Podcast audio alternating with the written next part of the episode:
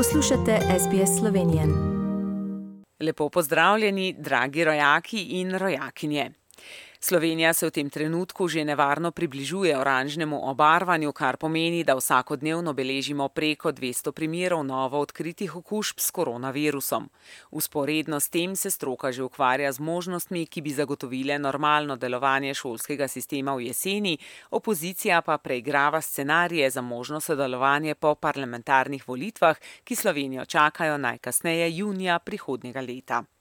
Ob tem smo stopili v četrti vročinski val, strokovnjaki pa opozarjajo na globalno segrevanje, ki bi lahko v prihodnjih 30 letih do dobra spremenilo podobo tudi naše Slovenije. Pa gremo k podrobnostim. Medtem ko smo Slovenci v teh dneh na sprejemih po vseh krajih bučno pozdravljali svoje olimpice in se na veliko družili, sta se osrednja in zahodna Slovenija že obarvali oranžno. Simulacije sledilnika COVID-19 pa kažejo, da bo jesen po številu hospitaliziranih bolnikov primerljiva z lansko. Najbolj so se v zadnjih sedmih dneh okužbe razširile v obalno-kraški statistični regiji. Sledijo ji osrednje slovenska, posavska in gorenska regija. Tedenski prirast znaša 50 odstotkov, zaradi COVID-19 se v bolnišnicah zdravi 40 bolnikov, šest jih potrebuje intenzivno nego. Glede na simulacije poteka epidemije pri sledilniku ugotavljajo, da bo ob trenutnem tempu cepljenja konec oktobra precepljenost s prvim odmerkom 60 odstotna, kar pa ne bo zadoščalo za preprečitev četrtega vala. Država pa od 23. avgusta ne bo več krila presejalnega testiranja s hitrimi antigenskimi testi na okužbo z novim koronavirusom. Tistim, ki se bodo morali testirati za potrebe opravljanja svojega dela, bo glede na zakon o varnosti in zdravju pri delu stroške testa kriv delodajalec. Cena hitrega antigenskega testa bo predvidoma znašala 12 evrov. Napovedanim plačljivim hitrim testom že ostro nasprotujejo gostinci, ki pravijo, da se delavci počutijo diskriminirane. Slovenija bo s ponedeljkom uvedla evropski elektronski obraze za potrebe sledenja potnikom v letalskem in ladijskem prometu, ki je že dostopen na spletnem portalu. Izpolnjevanje obrazca sicer ne bo obvezno, bo pa v veliko pomoč epidemiologom. Ministrica za šolstvo dr. Simona Kustec je šolnike znova pozvala, naj se vendarle cepijo v večjem številu.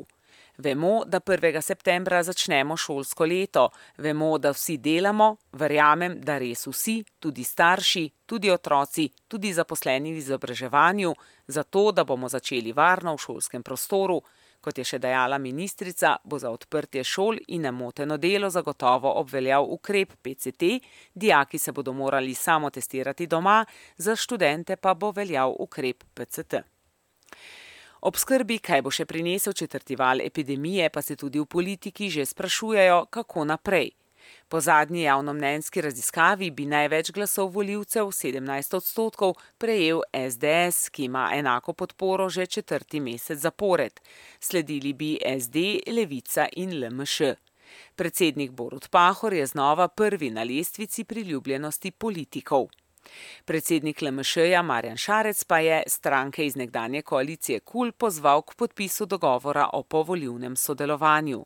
V SD-ju in levici potezo pozdravljajo, v sabu pa Šarcu očitajo soliranje. Skupnemu sestanku je sicer pozvala tudi Tanja Fajon, predsednica socialnih demokratov.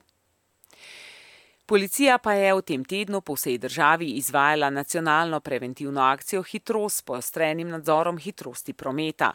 Letos je bilo do sedaj zabeleženih že 1335 prometnih nesreč in kar 26 smrtnih žrtev. Med njimi je bilo največ voznikov motornih koles in voznikov osebnih avtomobilov, večino nesreč pa se zgodi po noči voznikom med 35 in 34 letom starosti. V Sloveniji pa smo te dni na območju Pivke zabeležili tudi napad medvedke na 30-letnega domačina, ki je med večernim tekom presenetil samico z mladiči, ki ni imela drugega izhoda. Moškega, ki je utrpel hude poškodbe obraza, zdaj zdravijo v UKC-ju v Ljubljani. Na Kmetijsko-gozdarski zbornici Slovenije pa so zato znova opozorili na po njihovem preveliko število medvedov, težave pa je treba reševati sistemsko. Pozvali so k učinkovitemu sistemu upravljanja z medvedjo populacijo. Od maja do julija pa so v severno-primorski regiji zaznali kar 27 primerov zajčje mrzlice. Do letos je v 30 letih za to boleznijo zbolelo le 42 ljudi. Najpogosteje se zajčjo mrzlico, ko jo spremljata glavobol in visoka vročina, okužimo preko klopa, komarja, tudi muhe, torej z okuženo živaljo oziroma njenimi izločki in onesnaženimi delci v zraku, prvič pa so v Sloveniji kot možen vir okužbe potrdili tudi vodo. Pred nami pa je tudi nov, že četrti letošnji vročinski val, ki bo vrhunec dosegel prav konec tedna, ko se lahko v nižinah vzhodne Slovenije ogreje tudi do 37 stopinj Celzija. Slovensko morje te dni dosega temperaturo približno 28 stopinj. Bo pa letošnje poletje, to je zdaj že jasno, kljub temu, da absolutni rekord najverjetneje ne bo padel, eno od najbolj vročih v zgodovini meritev. Sredi vročinskega vala sem za vas novice iz domovine pripravila Katarina Valentar, ki vas prav lepo pozdravljam. Želite slišati sorodne zgodbe? Prisluhnite jim preko Apple ali Google podcasta, preko aplikacije Spotify ali kjerkoli drugje.